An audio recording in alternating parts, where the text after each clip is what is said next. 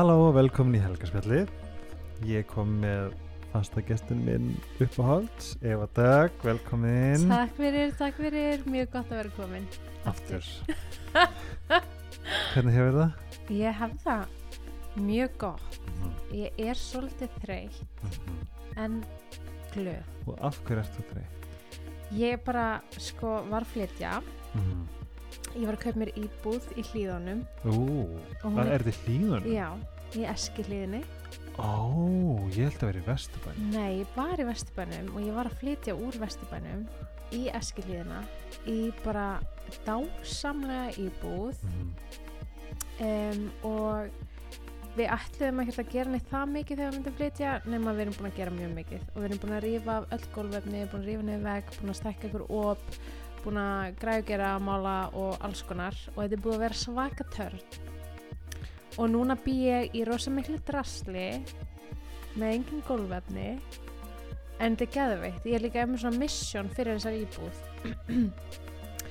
Að hérna, gera hana upp á sem svona grænan og vænan umhverfisvænan hátt alveg frá byrjun skilur við, Mm. af því að ég hef alltaf verið svona meðvitið um hérna, eituröfnalust líf og vera umhverfisvæn og heimilis í vistkerfi og, og allt svo leis en hérna en núna er þetta svona í fyrst skipt sem ég get gert það alveg sjálf alveg frá grunni. Mhm. og þannig ég er bara búin að vera spákjað mikið í málingu og er með geggjaða nordsjömálingu ég er með geggjaðan, er að fara að setja ég er ekki með hann, ég er búin að setja það á eitt hérna, búin að setja það á eitt herbyggi alveg ógisla flottan kork, varstu búin að sjá það? Ég ætla einmitt að fara að tala um hennar kork. Nei, það er allir að flippa yfir korkinu Gerð svo ég er að flippa, Dæni sýsti líka. Er það ekki? Jú. Hérna, það er sko, ég ætla að hafa alla íbúðana bara fljótandi korkgolf Mhm. Og hvað er henni ávinningar korks? Heyrðu, þeir eru rosalega margir að myndi taka heilt podcast að fara yfir það alla en þetta hérna gólvefni var valið, ég veit ekki hvernig maður velur svona, en það var valið gólvefni ársins 2019 Nei. og það er svo umhverfisvænt að það er meira en kólefnisjafnandi þannig að það hefur neikvætt kólefnisspor þannig að það er bara gott þú veist þetta hefur bara jákvæð áhrif á heiminn að fá sér kork það verður jákvæð áhrif á umhverfið Er það? já, finnst þið ekki Mér magna finnst það magna og ég Já. man þegar þú postar og það er búið bæði við það búið ógeist að gaman að fylgjast með þessu Já, framkvæmdum. sko, ég verð að segja það að ég vildi að ég hefði fattað þetta fyrir lífinu að framkvæmda Instagram séu snild af því að ég hef aldrei fengið jafn góðar viðtökur jafn miklar viðtökur Mm. af neyn, ég er endarast að röfla um jóka, huglauslu, óljur, krem sleipefni eitthvað og allir bara eitthvað, "Mm, já, ok, flott, já er. Hérna, og svo ger ég eitthvað, fer ég að rífa niður veggi og setja korka gólfin og fólk er Að Einmitt. og það er sko allt frá því bara að einhverjir strákar sem voru með mér í sjöara bekk eru að senda mér skilabóð eitthvað hvað hvað er að nota þarna á ána vegg? Skilur ég eða eitthvað þannig. Og og svo bara þú veist bara fullt af fólki sem vil bara gera umfjallanir og það er að koma alls konar skemmtilegt út úr þessu verkefni Mhm. og ég er að fara vestur á morgun Mhm. í svona næstu í mánuð? Já, þannig að ef þú ætlar að koma eitthvað á vestfyrir þá veistu að ég er á Bólungavík í stuði. Er það nálagt flateri? Já, Ok. Ég, ég þarf að fara aftur á flateri. já, flatir er snild og það er bara rétt hjá flatiri Ok. Og rétt hjá Ísafyrði Mhm. og þetta er bara allt í næsta nágrinni. Mhm. Bara eh, tekur skotstund að skreppi yfir á flatiri frá Bólungavík Ok. og hérna, Hvert var að gera Það- sér? hérna, sko, ég ætlaði bara eitthvað að kynna vestfyrina fyrir jókasnild. Ó. og svo ætla ég bara að fara að týna einhverjar íslenska jurtir og infjúsa þær í einhverju ólju vera Mhm. með börnunum mínum halda einhverja viðburði Hvað er alltaf að búa? um, við ætlum að búa við hliðan á Einarshúsi í Bólingavík í Mm. einhverju húsi þar sem er ekki alveg tilbúið ég er bara alltaf greinilega ekki að búa í neinu tilbúum húsum í sumar og hérna Stefán, kærsti minn hann er bara að vinna fullt í Einarshúsi sem er hótel og veitingsstar á Bólingavík, Mm. alveg must, must visit Er það það sem þú gerðir menjúin? Nei, herðu, það, þú ert að tala um, við erum alveg eftir að tala um það. Þú ert að algjörlega tala um Efiburger á skóla kraftbar. Já, sko, fyndin, Mhm. við erum búin að þú komst eitthvað fyrir sko einu klukktum og 40 myndum og við erum búin að tala síðan og ég ítti að rekka og hugsa bara, ég veit ekki hvort við erum eitthvað meira að tala um en já, hvað heitir það? Skúla? Skúli kraftbar, það er sko, hérna, um, Hrefna Sætran, vinkona mín sem að á fiskmarkaðan og grillmarkaðin.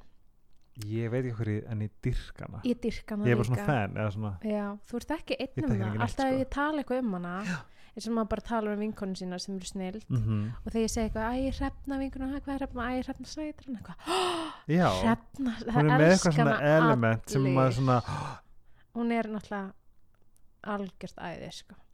alveg bara mín uppáhaldskona eina mínum uppáhaldskona ég er náttúrulega mjög heppin að vera með mikið að góðum konum í kringum mig en Þú mátt er hvort hún vilji koma í podcast já ég skal spyrja hana, Ok. hún vill að potja Ok. Hérna, en hún sem sagt á líka skúla og maðurinn hennar, hann Bjössi hann er að reyka skúla Mhm. og, hérna, og þeir út- sagt, eru, verða með í sumar þeir eru alveg snildar út í svæðið þarna geðu gaman sitja þarna í góðu veðri. Hvað er þetta? Uh, þetta er bara þarna sem Matisson Ilmús er Já, og þar. ummitt og ég, bara hjá fiskmarkaðanum Ok, og ótrúlega kósi að setja þær úti og þeir eru með fullt af eitthvað svona kraft hann Bjössi er svona bjór snillingur mm þannig að þeir eru með alls konar svona eitthvað kraftbjór á krana. Og svo er það með svona mexikanskan matseðil og Hrefna Bjössi hefði samband við mig og spurðu hvort ég hefði áhuga að gera vegan borgara fyrir þau. Efiburger og hann heitir Efiburger og ég gerði hann og ég kom bara mætti í hérna eldhúsið á fiskmarkanum með hrefnu. Mm. og mér leið eins og ég var í sjónstætti með henni. Hún var með svona sjónstættaröttina sína var ekki með vinkonröttina sína sem er svona bara vennilega þegar við erum eitthvað að spjalla og erum saman. Mm heldur var hann eitthvað svona já.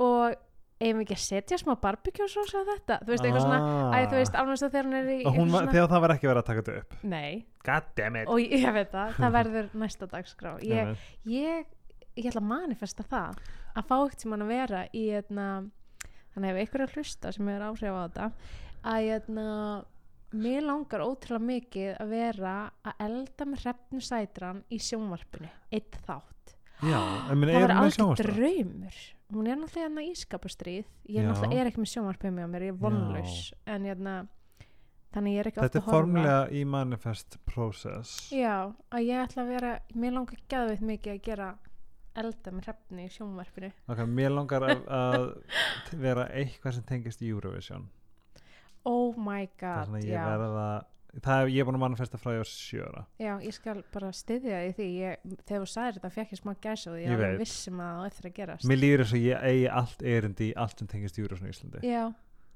nema söngrætina Ég skal sjá um en allt annað. kannski smá. en þú ert líka bara, þú verður svo flott í kynni. Það er gólið mitt sko. Ég þarf bara bara að æfa mig sætur og stælis og svo bara að kynna Eurovision. Og líka þú veist að eina sem ég kann eru tungumál Já. Ég er eitthvað starffræði, ég er eitthvað náttúrfræði Ok, þú kannst eitthvað samt miklu, ég er það er það einu sem þú kannst, þú kannst samt miklu meira. En, Já, en svona, já. Í, svona í námi þá var það bara tungumál og listgreinar Já, ég er sama hér. Það er svona ég fer bara heima Dupra, Dupra og eitthvað Já, svona. já, du, Það er svona formlegt manifestation er in session hjá okkur Já, en við vorum að fara í vestfyrði já, einmitt. Ég, hérna, já, ég verð sem sagt á vestfyrum á Búlingavík Mhm. í sumar og þar, hérna, og ég er bara að fara og þá er ég svona, að taka smá pásu frá framkvæmdunum. og þau geta alveg gert það Já, já, ég meina það er Ég ekkert, hinn er búin seld í, já, ég var bara að leia hana ah. og ég er búin að skila henni.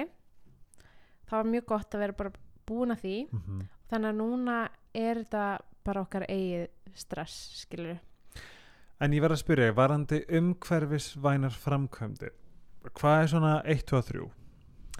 Um, sko, það fyrsta sem að ég hugsaði um Mhm. var málingin Mm af því að það bara inni umhverfið og inni mengun og inni loftið um, er, rosalega mikið og mikilvægt. Og hvað fannstu?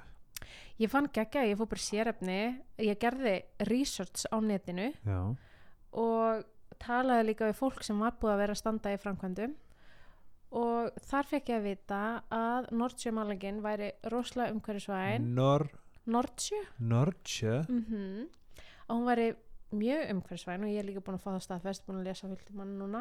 En líka ekki bara umhverfisvæn og góð heldur um, líka ótrúlega gott að vinna með hana. Þú veist hún bara þekur mjög vel og er bara og svo fyrir utan það að þá var ég búin að vera fullt í sérefni áður og því Mhm. ég kalkaði svo mikið þegar ég átti heima í skerrifyrinu mm þá, og þeir eru með geggjaði kalkmálingu sem er líka eiginlega umhverfisvænsta sem þú finnur. Já það. Já.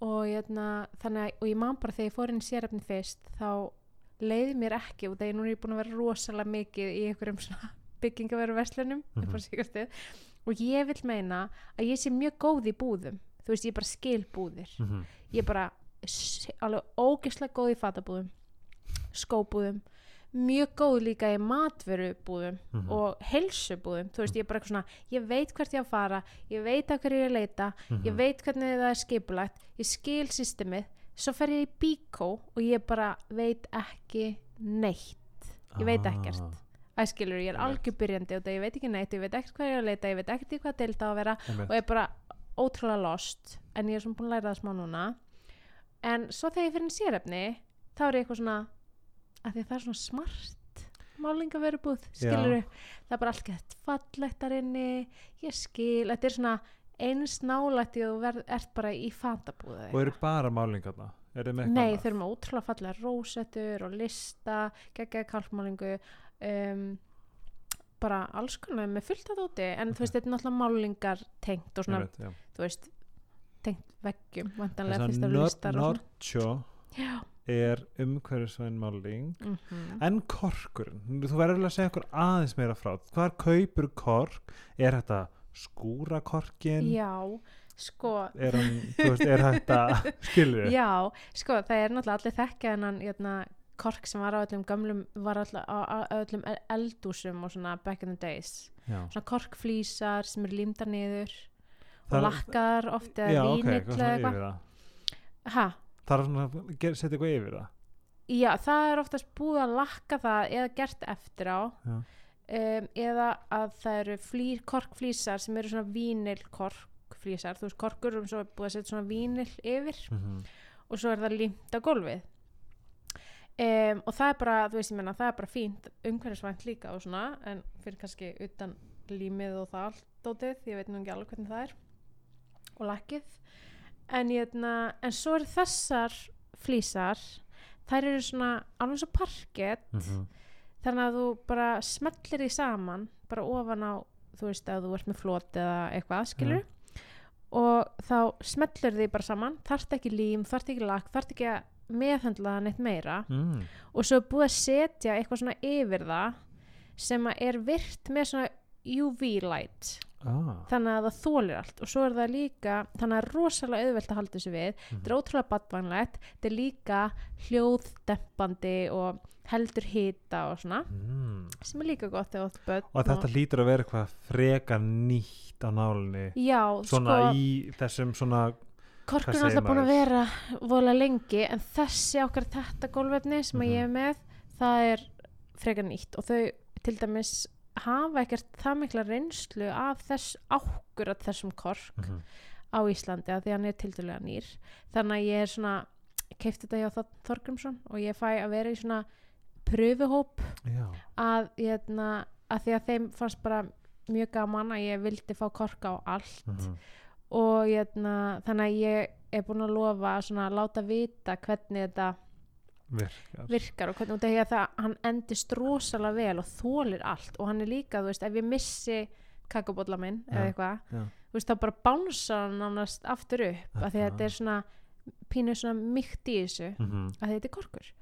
En hvað með þú veist og þú veist þegar maður stendur hann á kork, býr þetta ekki til svona hól eða svona bjú nei, nei, þetta er alveg svona svolítið stint í sér samt. Ég sko málega því að það sem ég fyndin og það er ótrúlega gott að ganga á þessu og standa á þessu og svona. Einmitt, sko, því að það sem ég fyndi er að við Instagram, einhvern veginn kultúrinn og við þekkjum, Mhm. veist, við höfum ekki séð kork, allavega ekki ég. Nei, það er, svona, það, er, það er búið að vera svo gaman að fylgjast með þessu í það er já sko kvikmi, nei hvað Instagram heitir Eva Dögg Rúnas já, ef þetta grunast Ertu búin að setja einhverja mynd af korknum? nei, ég er fara að gera það. Ok, ég, er það er bara, ég að á fyrir- mikið eftir að setja af því að ég hef bara búin að vera á haus en það er alltaf komið þegar þessi en það er highlight já, þá, þá er það komið. Og það er highlight á Instagraminu mínu sem er bara umfrangarnar og um, ég náttúrulega Marta á Smartland hún missir ekki af neinu mikilvægu í, mm -mm. í svona málum. Nei, þannig að það er að fara að koma alls konar um þessar framkvæmdir þar. Ok og öðrum stöðum þannig að þetta mun vonandi bara helgarspjallinu helgarspjallinu og hérna, þetta mun ekki fara fram hjá neinum og þetta er bara, þetta verða snildar Þú ert að starta eitthvað nýtt. Revolution. Of the Revolution yes. um, hérna, en já, þetta er mjög þetta er mjög skemmtilegt sko. Þetta er mjög spennandi. Og mér er mjög gaman mér er mjög gaman að vera framkvæmdum. Ég er náttúrulega fatahönur Mhm. ég er kannski ekki með þessi ég er engin smiður en ég vil meina að ég sé með eitthvað svona smá skills Mhm. í framkvæmdir. Og svo er ég kalka fullt og þú veist þar læti ég hérna, mína listræn lið skína. Bara svo lengi sem hún lofar að leifa okkur að fylgjast með því þetta er ógeðslega gaman. Mm -hmm. Yfir í annað uh, Þetta er í þrjá skipti sem Martina Mm og fyrsta skipti til við um alls konar. Það var mjög skemmtilega þáttur -hmm. og vakti mjög mikla aðtekli svo komstu aftur og þá sagði þú þú komstu með svo ógeðslega mikið upplýsingum í öðrum þættinum. Já, þú bara, þú veist, þannig þegar ég satt að móti þér, þá var ég svolítið svona wow, en svo hlustaði ég á hann held ég, ég hlusta hann tvisar síðan. Já, og þú sagðir þessi þrjú orð og ég, ég fattaði ekki neitt þegar þú varst fyrir fram á mig. Mm. annars skipti sem ég hlusta á hann þá sagði ég mér, býtu, hvað er þetta? Mm svo glemdi ég því. Þriðja skiptið, þá var þetta meira bara svona, þá var ég bara svona fuck. Þú veist, hvernig gæti ég ekki heyrt þetta fyrr eða vita þetta fyrr eða eitthvað? Mm. og það eru þessi þrjú örlöguríku orð. Fight or flight. Já. og ég lærði inn á þetta the tough way. Mm, þú varst búin að segja mér frá, frá þessu. En svo var ég í sérst, sálfræði, sálfræði samtali við sálfræðingi minn og hún talaði um að fight or flight er bara streytuvaldandi já, fight or flight er ekki streytuvaldandi og adrenalín örgulega líka. En Já. skilur mig, en þetta er samt fyrst og fremst streytuvaldandi mm og í okkar nútíma samfélagi, samfélagi það á helst að reyna að kötta út allt streytuvaldandi af því að það er hvað sem er streyta alls þar -hmm. mér langar svolítið að heyra þig. Svona viltu segja mér meira frá þessu? Af því þú talar um í fyrir þætti þetta, þetta var eins og þú veist þú veist, er ljón að fara að ráðast á mig. Það fer í fight or flight. Já, en það sem ég áttaði mig á er að ég er búin að vera í krónisku fight or flight í mörg ár. Og ég hef lengi spurt mig af hverju er ég ekki er, er, af hverju er ég ekki að rýsa upp í mínum andlegu málum? Af hverju er ég ekki að vera betri? Af hverju stendi ég í staðið af hverju pompa ég niður? Ég, skil, skildi ekki af því ég vinn sjálfsönu mm viltu að segja mig frá svona þínu perspektífi á fight or flight? Bæði hvað er og svolítið svona í nútíma samfélagi Við stoppum spjallið eldsnögt uh, því að ég ætla að gefa Sito Kér orðinu sem að er góður vinnur okkar hér á helgarspjallinu og er samstafsæðali en uh, fyrir þá sem að spritta sig ekstra mikið þessa dagana sem ég klálega mæli með þá uh, mæli ég með að finna gott handakrem eða handaáburð. Og inn í sagt, þessum vörum Sito Kér er Kitosan sem að er algjört undræfni hafsins. Og deilið með að mamma er handábyrðar svona nölli. Og hún er búin að skipta í Sítokær því þetta er alveg þetta er, þetta er stórkostlegar hérna vörur og, og innihaldið svona tala sínu máli. Ef ykkur vantar góðan handábyrð þá mæli ég með þessum handábyrði allavega pröfan hann er magnaður og gefur höndunum raka með dett samme síðokjör.is síðokjör á Instagram og svo er afsláttakóðin Helga Spjallit ef þið viljið fá þetta aðeins ódýrara. En uh, áfram í spjallið. Sko um, ég held að bara það sem þú varst að lýsa er bara það sem að rosalega margir í okkar samfélagi er að upplifa. Um, að við erum í fight or flight 24-7 Einmitt. bara alla daga og og sumir vita hverju og sumir og, og, og hjá sumir er það kannski út eða þau eru bara að vinna vinnu sem að er ekki sérstaklega góð fyrir þau skilur og eða þá bara mjög mikið stress í vinnunni og þau bara taka eitt eftir því. Eða þá að maður er í óhamingjusömu hjónabandi eða þú býrð með einhverjum andlega veikum eða þú veist, ég veit ekki, það getur verið endalausar ástæður fyrir því. En þegar þú ert endalaust í fight or flight þá ertu e, þú ert í raun bara í stressi og þú veist, það er ekkert það er ekkert að því ef þú ert, ef það gerist bara af og til. Og ég man ekki síðast þegar vorum þegar, síðast ég var hjá þér þá var ég um öndun Já. Ég var líka örgleika að segja frá því að þú veist, það er allt í lægi veist, það er náttúrulega ástæða fyrir að við upplifum fight or flight, þú veist, Mhm. bara svona partur af því að vera manneskja og vera til og vera dýr að þú veist að við, að gerist eitthvað þú veist, segjum svo að maður er einn heima á sér og þetta getur verið bara svona eitthvað pínlítið, þú veist, þannig svo ég er bara ein heima og það er myrkur og svo heyri ég þrusk og ég fæ svona smá svona panik um, og ég finn bara hvernig blóðu byrja að streyma og hjarta byrja að slá Mhm. um, og ég anda ótrúlega grund og blóði streymir út í vöðvana því að líkaminn er að gera sér tilbúin að fara að hlaupa Einmitt. og ég ætna að hlaupa frá þú veist þeim sem er að fara að ráðast á mig eða ef það er eitthvað sem að komst inn til mín og þess þú veist að líkaminn bara er svo ógislega klár og þannig að bara um leið og þú upplifir að það er eitthvað sem þú þarft að vera hrættur við að þá byrja bara líkaminn strax að bregðast við Mhm. sem er snilt og þetta er bara eitthvað sem að nýtist okkur rosalega vel ef við lendum í ykkur áfalli, ef við lendum í því að það er ykkur sem að ræðist á okkur ef það er, ef, ef, við, ef við lendum í slísi eða eitthvað skiljiði en hérna um, svo er, er ég bara ein heima og ég heyri þetta þrusk og svo fatta ég, heyrðu, þetta var bara hérna þrusk í einhverju sem er bara fullkomlega eðlegt það Bara er brak engin í hérna Já. það er enginn hérna þetta er hlægi og Mhm. þá bara segir hugurinn og allt bara líka mann bara ok, þetta er allt í góðu og þá líður mér bara vel aftur Já. þú veist, ég get bara halda áfram að gera það sem ég var að gera um, nema það að í nútíma samfélagi þá erum við svo ofta að fá þetta þá erum við svo ofta að fá eitthvað svona Mhm. og og þá bara þú veist og, og oft er voru svo vöndi þú veist að vera í þessu.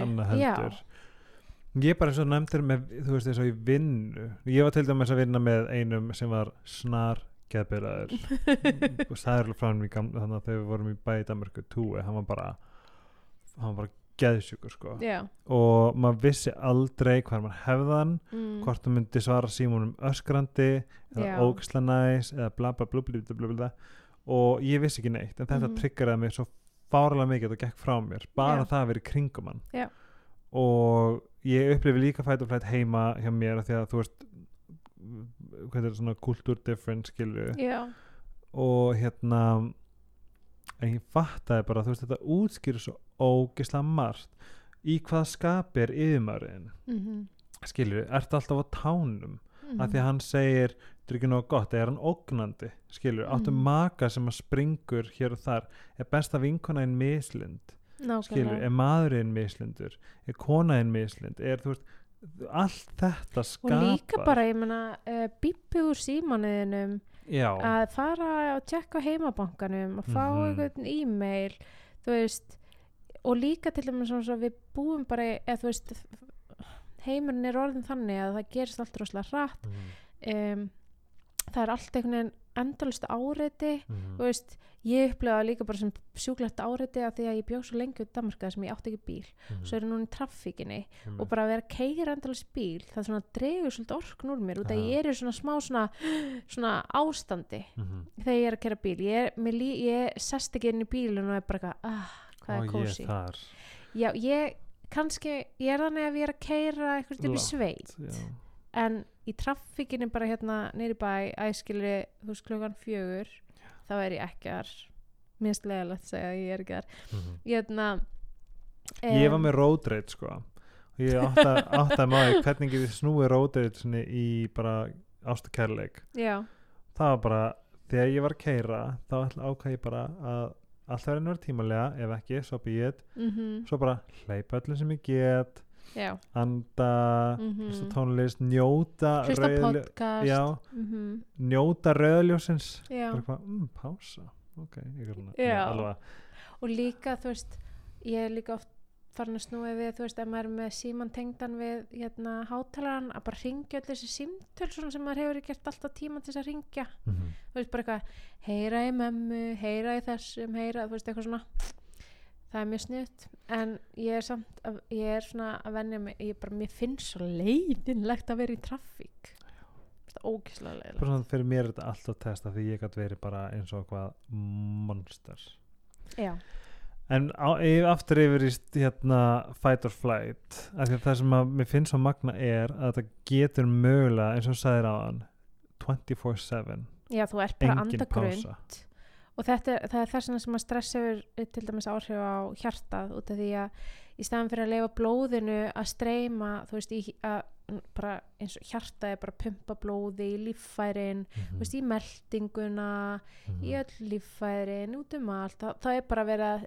bomba blóðinu í vöðvana, samt þarfst ekki að fara að hlaupa neitt Já. að því að þetta stress er af and, þú veist, af einhverjum þú ert hrættur við yfirmannin þú ert hrættur við reikningarna sem þú ert að borga hrættur við að ná ekki deadline í vinninni þú veist, eitthvað svona, þú veist, í bara stressi að það sé ekki allt eins og það á að vera þú veist, bara hvað sem að getur verið að tryggjara það um, hvort sé heimilsastæður eða vinna eða peningar eða þessu þunga orka og, og þú ert kannski bara í þessu ástandi alltaf Mhm.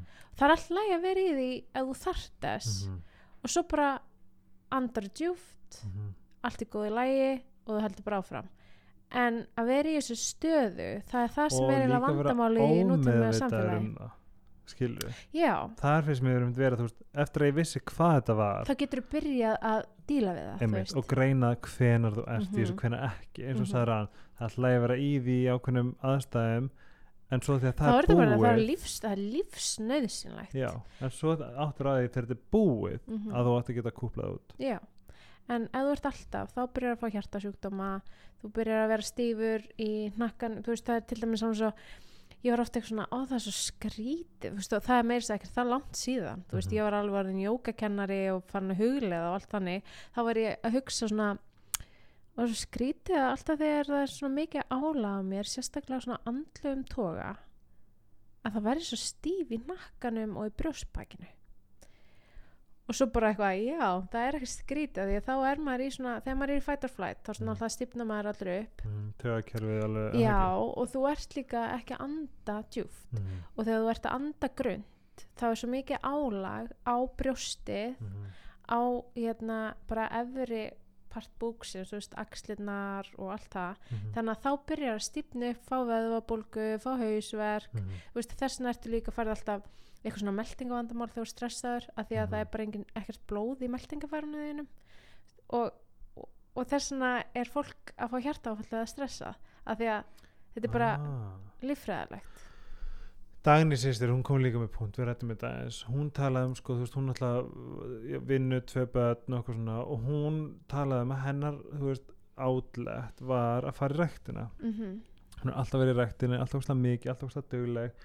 Og þegar hún var sem sagt, en stundin getur það að veri mikið í ræktinni haft líka bara svona svolítið stressandi áhrif já, hún talaði um það. Hún Já. fattaði allt í einu, ég man ekki hvað var sem að svona, hún því en hún var alltaf að drífa sér Já. og bara ok, nú ætlum ég að vera mm. og þá fatta hann allt í hennu vá, það er eitthvað sem að hún og samfélagi segir okkur að sé átlætt til þess að slappa af og fá endorfín og mambo jumbo mm þarna var það bara ekki málið Nei. hún var þannig séð í fight or flight að reyna að klára eitthvað, reyna að gera eitthvað Já. það er svona, Mm. hún kom ekkert með þetta svona, ah, heim auðvitað, ég meina maður fær alveg einhver hormón, þú veist svona hérna, endorfín og eitthvað næst veist, þegar þú ert að hreyfa þig og verður glaður og hress og færð smá orku og svona að þú ert að hreyfa þig, en það er ótrúlega oft sem að það getur verið svo aggressíft og ég til dæmis ég, þú veist, mér er bara stundum st- svona streitu kvíðavaldandi að bara lappa inn í ræktina þú veist. Út af því að það er eitthvað svo mikið svona "Ó, það er, gera þetta og það gera þetta. Og, veist, og, þú svo, og þú veist það er ákveð stress bara að fara að hlaupa ég er ekki að segja að það sé ekki, gott fyrir Nei. þig og að það sé eitthvað óholt að fara að hlaupa út ég, meni, ég hleypi sjálf og allir vita að það er gott að reyfa sig. Mhm. en, jæna, en það er samt stress á líkamann.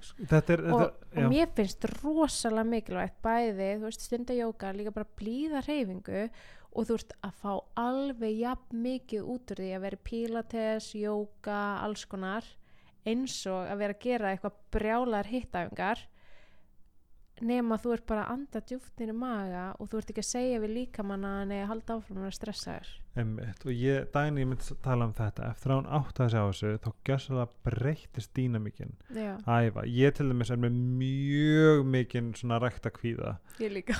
Já, ég bara, mér líður eins og ég sé að gera allt vittlaust, það er allir að horfa á mig. Mm ég er ógeðslega auðmur þetta er bara svona það sem fer í gegnum hausnum mér þegar ég er að æfa er alltaf svona ég er samt að vinna, þú veist, ég verið að kenna á líkastastöðum, ég er Mm. samt alltaf með svona undirlegjandi þetta ég er svona dúlan aftast í krossatífum en sko, en, en máli er að þarna er samt komið eitthvað nýtt svona nýjar upplýsingar til að navigata af hverju þú ert þarna hvernig þú ætlar að vinna þig áfram í þessum já áfyrir hvað er, ertu að gera þetta fyrir þig eða ertu að gera þetta fyrir einhvern annan? Alltaf að nýta tækifæri þar sem þú ert í klukkutíma, kannski með pössun eða þú veist Mhm. eitthvað, þú ert bara einn með sjálfum þér farið hann klukkutíma, hvernig ætlar að nýta hann vel? Ætlar að næra og rækta þig? Emi gera eitthvað gott fyrir þig, ekki bara halda áfram í fight or flight og vera ekki þetta aggressífa svona að ég verð að hlaupa þetta, ég verð að lifta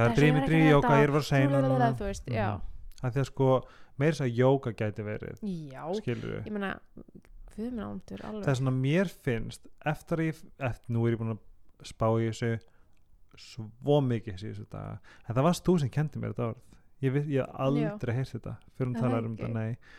Og núna ekki, því meira sem vart meðvitaður því meira læri anda djúftnir í maga anda djúpt niður í maga vita af hverju þú ert þarna. Mm þú veist, þetta- nú, eins og núna svo fyndi, ég talaði um þetta við kærasta minna sem ég sagði, ég held að við báðir ég held að hann sé svolítið mikið í fight or flight varandi, þú veist, vinnuna og líka bara hans bakgrunnur Já. er svolítið fight or, svona, fight or flight læti, já, það hefur náttúrulega komið að mig, ég veist ekki hvað það var það er svona, Mhm. ég automatist fer í þetta líka og held ég að rosalega mikið af okkar kýting, okkar svona stressi í sambandun okkar hafi komið svolítið út frá þessu. Mm þess vegna nú er hann að koma í, nú er Íslandi að taka upp og hann ætlar að koma og við ætlum að eiga fimm dagar saman í Íslandi. Og við erum búin að leia bara all, öll hótelherbyggi sem við hefum leikt og hús sem við erum búin að leia eru með heitapotti eða baði. Og ég er bara búin að ákveða það að þetta verði bara svona upplýsingatengsl mm sem að við þurfum svolítið að fara út í. Já, tókum uh, The Five Languages of Love. Ó ég elska það. Já, sem gerði ógslag mikið fyrir hjálpaði það samband ekki. Er það djú hvernig, hvernig viltu, ok, allir að tjekka á þessu fyrir Mhm. að fyrsta, þetta er svo mikið hýmar á bara þetta með magnum þetta er bara hacks Hérna- fyrir sambönd. já, hvernig, hvernig vilt þú fá ást?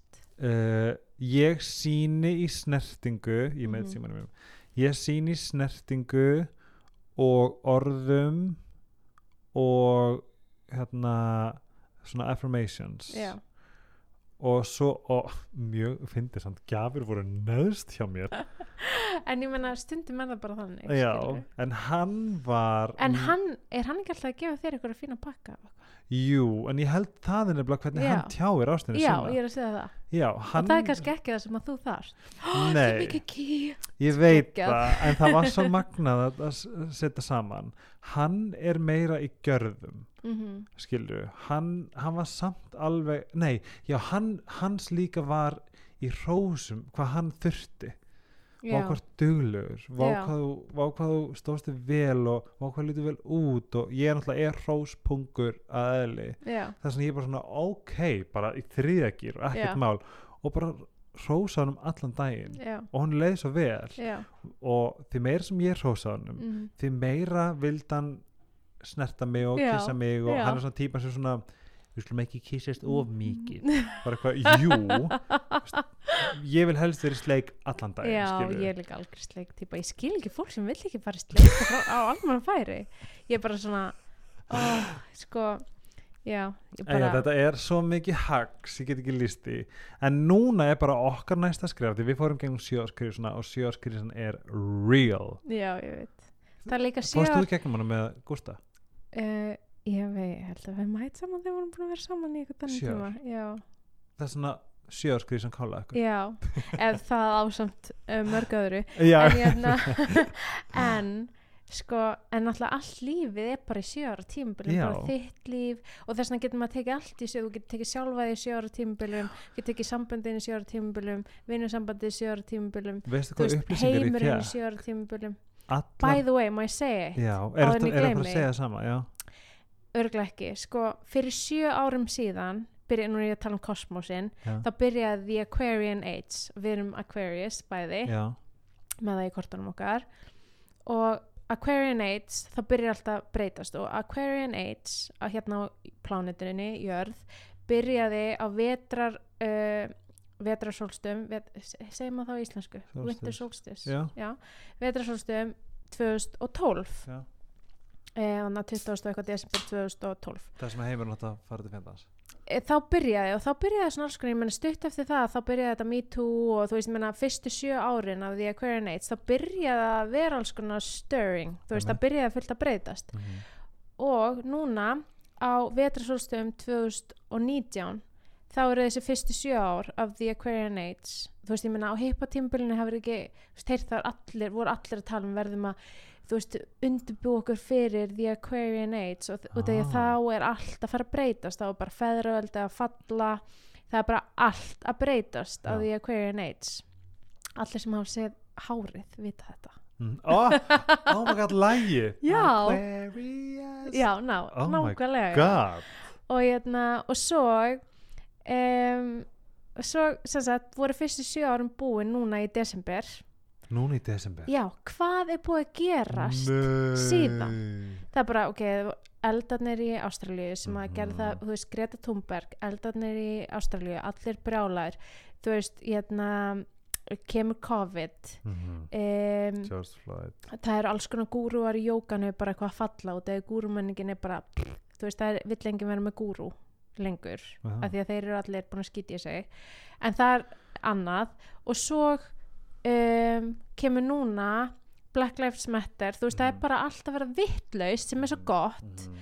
og þetta er bara og þetta er núna fyrsta þú veist, þetta er næsta sjöru tímbil í The Aquarian Age svona þetta verður næstu sjö ár ég var hér með stjörnufræði í Mallorca í janúar og hún var að útskýra bara hvernig kosmosin er Mhm. og ég var bara grátandi að því að ég tengdi svo persónulegu leveli, Já. persónulegu leveli Já. og bara alheims leveli við Ah. allt þetta er bara, þetta er svo ótrúlegt og svo bara núna þegar allt þetta er að gerast Mhm. það er maður bara, vissi þetta. En er ekki líka þetta bara þetta. gott dæmi um það að horfa upp í horfa til himins Mm. horfðu til heimins og trúði það sem hún sér. Þú veist, þetta, þú veist stjörnunar eru þarna ekki til að vera sætar. Nei, ég veit og hérna, það sem ég ætlaði að segja sem ég held kannski að vera að fara að segja já, er að ég lærði að á sjö ára fresti hafa allar cells, hvað því það? cells, já, cellurnar eh, frumurnar í frumunar líkamanum. líkamanninum nýja sig. Já, og það gildir líka við bein heila bara allt. Já, sem segir okkur það að Eva sem situr á mótum mér í dag er ekki sama Eva sem var það fyrir sjórum. Nei pældi því. Mindblown. Og svona litli strákur minn hann var að verða áttara. Ég byrja strax að hugsa það núna. Mhm. hann varð áttara í mars. Um, hann er búin að vera að lifi núna í átta ár. Já. þannig að hann er á nýja útgáfa sjálfum sér. Einmitt.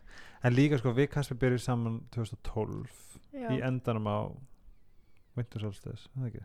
já Winter Solstice var í desember 2012 20. og fyrsta við byrjuðum saman í oktober já, og ég meina, nú vorum við að detta í nýja öld og þá erum við Kasper í að þess fara gegnum sjóarskrísun okkar mm þetta var náttúrulega svolítið akkurat töff tími til að fara gegnum þetta en við allavega Já. fórum gegnum hann að Languages of Love og það, það næsta sem við, ég ætla bara að fara yfir með hann og við ætlum að gera saman helst einmitt bara í einhverjum heita potti eða einhver stórt í þingvöldum eða eitthvað já, læra að lesa, tala um fight or flight. Já og bara sko og líka bara að tjá sig og segja frá.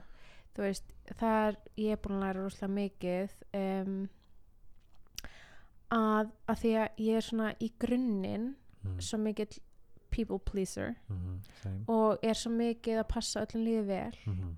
og, að, og, og þá fer það alltaf þannig að mér líður ekki vel út að ég þarf svo mikið að passa öllum hinn líði vel og láta ekki neinum líði eitthvað óþægilega svona. Mhm. en það sem að gerist fyrir mig núna bara síðist bara eftir að ég byrjaði að vera rosalega mikið í kundalíni jóka Mhm. sem að styrkir rosalega mikið tögakerfi og það er líka þegar maður er svo mikið people pleaser þá er maður að rústa tögakerfin á sér um, og þá er maður líka alltaf í fight or flight af því að maður er alltaf að plýsa öðrum og maður er alltaf í stressi sjálfur Mhm. og þegar maður er alltaf að hugsa um einhver aðra heldur en sjálfan sig Mhm.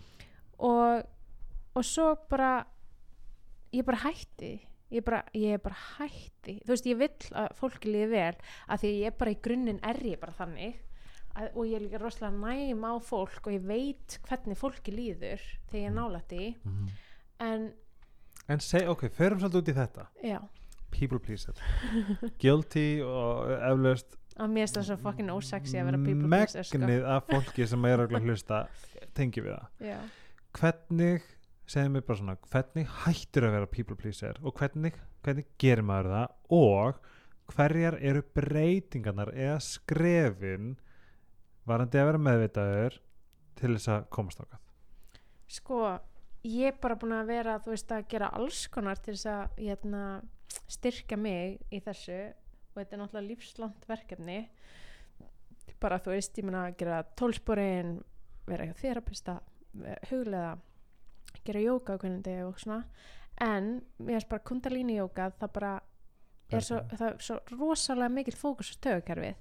Og hugleysna þar og addiction meditation sem ég let ykkur, eða ég og Dagný vorum að láta ykkur gera á námskeiðinu mm -hmm.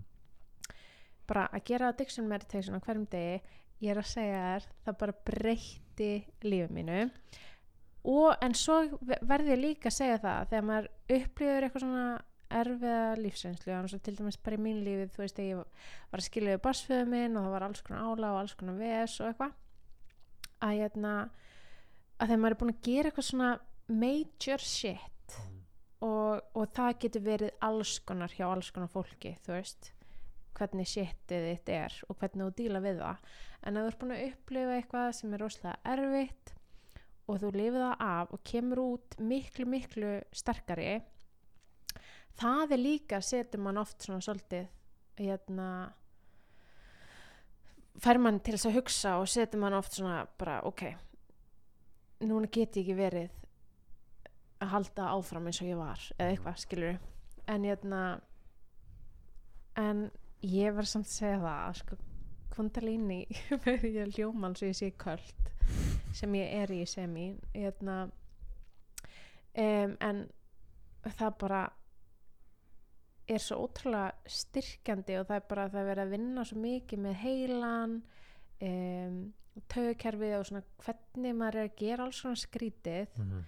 og, og ég held bara að þú veist, þegar maður er þegar maður er hérna, þú veist, ég er líka human design, það er svona um, dæmi sem er ekkert ósvipað hérna stjörnufræði, þú veist, og, og öll því sem við vorum að tala með því Aquarian Age og vera rísand þetta og bla bla. Um, human design er svona svolítið svipað. Í framhaldsnámskeiðinu sem að ég er, var að byrja núna sem að er framhaldsnámskeið af námskeiðinu sem þú varst á um, þá förum við svolítið út í human design og í human design og líka bara heilan minn sagði það við mig að ég er með rosalega opna áru og ég held að það sé rosalega margir þannig að þú veist maður svona þú veist leifir einhvern veginn orku annar að fara að smitast yfir til sín. Og þá vill maður bara um, bæði þú veist ok, maður getur verið með opna áru og útskýrt það þannig. Mhm. maður getur líka bara kannski verið búin að alast upp í þannig fjölskyldu að þú þarft að vera óslega næmur á hvernig fólki líður Mhm. af því að þú mátt ekki taka mikið pláss og Mhm. þú ert að passa að allir séu góðir og þess vegna ertu people pleaser Mhm. um, og að vera eigða svona mikill orku í það að passa upp á það hvernig öðrum líður og hvort þeir séu vonskapið ekki þú veist, Mm. það kom bara allt í eitthvað moment þar sem ég bara nenni ekki lengur mannst eftir þessu mómenti já, eiginlega sko og það kom mér rosalega mikið óvart getur þú sagt svona sirka hvað hver aðstæðan voru? Sko bara allt einu sagði ég bara hluti sem kom mér óvart. Ég var bara autopilot að segja bara, geta sagt stopp þegar ég átt að segja stopp. Mm -hmm. geta hérna sagt skoðun mína og án þess að vera eitthvað tussa en bara en Að þetta gera er sem það fólk fallega. heldur að ef að það er hreinskili þá er að vanda manneskjur tussa þetta, þú veist, eitthvað svona. Bara til dæmis hérna þegar ég var að leiðninga til þín Mhm. þá var ég að tala við hérna, prentsmiði sem er að gera limmiðana á kremmin mm og ég var ekki sátt -hmm. og ég hefði verið og ég hefði verið bara svona já ok Mhm. veist, og mér sko heimurinn er búin að vera að senda mig í rosalega mikið að testum núna undanfarið Mhm. að testa mig í þessu ah. bara að því ég byrja svo að efast um að ég hafi rétt fyrir mér eða þú veist, ég er fljótt að taka ábyrð á vandamálum allra mm -hmm. þú veist, það er bara alltaf mér að kenna og þau vita alltaf betur heldur en ég þú veist, Mhm. eitthvað svona þannig að ég er með svona imposter syndrom á hástigi varstu múin að hérna- heyra heyra þáttinn Já, Er og ég var bara að sjá líka hvað hérna, hvað mikið af fólki var að tengja við þetta. Bara, út af því að þetta er alveg hjúts hefur þú lesið inn lesið línin bókina eftir hana hvað heitir hún, Sharon nei, um, Tenk, er það og já, hún er að tala bara um svona konur um, bara jafnrétti. Það er hún sem var hana, CEO af Facebook eða eitthvað. Og hún er bara algjör ofurkona og, og er hérna ég er sko enn með ósveri skilabóð varandina þátt. Bara já. takk og þetta, þetta Nei, þú veist, þetta er náttúrulega rosa stórt vandamál og ég tengi svo ógislega mikið við þetta að vera með svona imposter syndrom og einhvern veginn vera alltaf tilbúin til að taka ábyrð á alveg fullt af stöffi Mhm, sem að er bara ekki málið.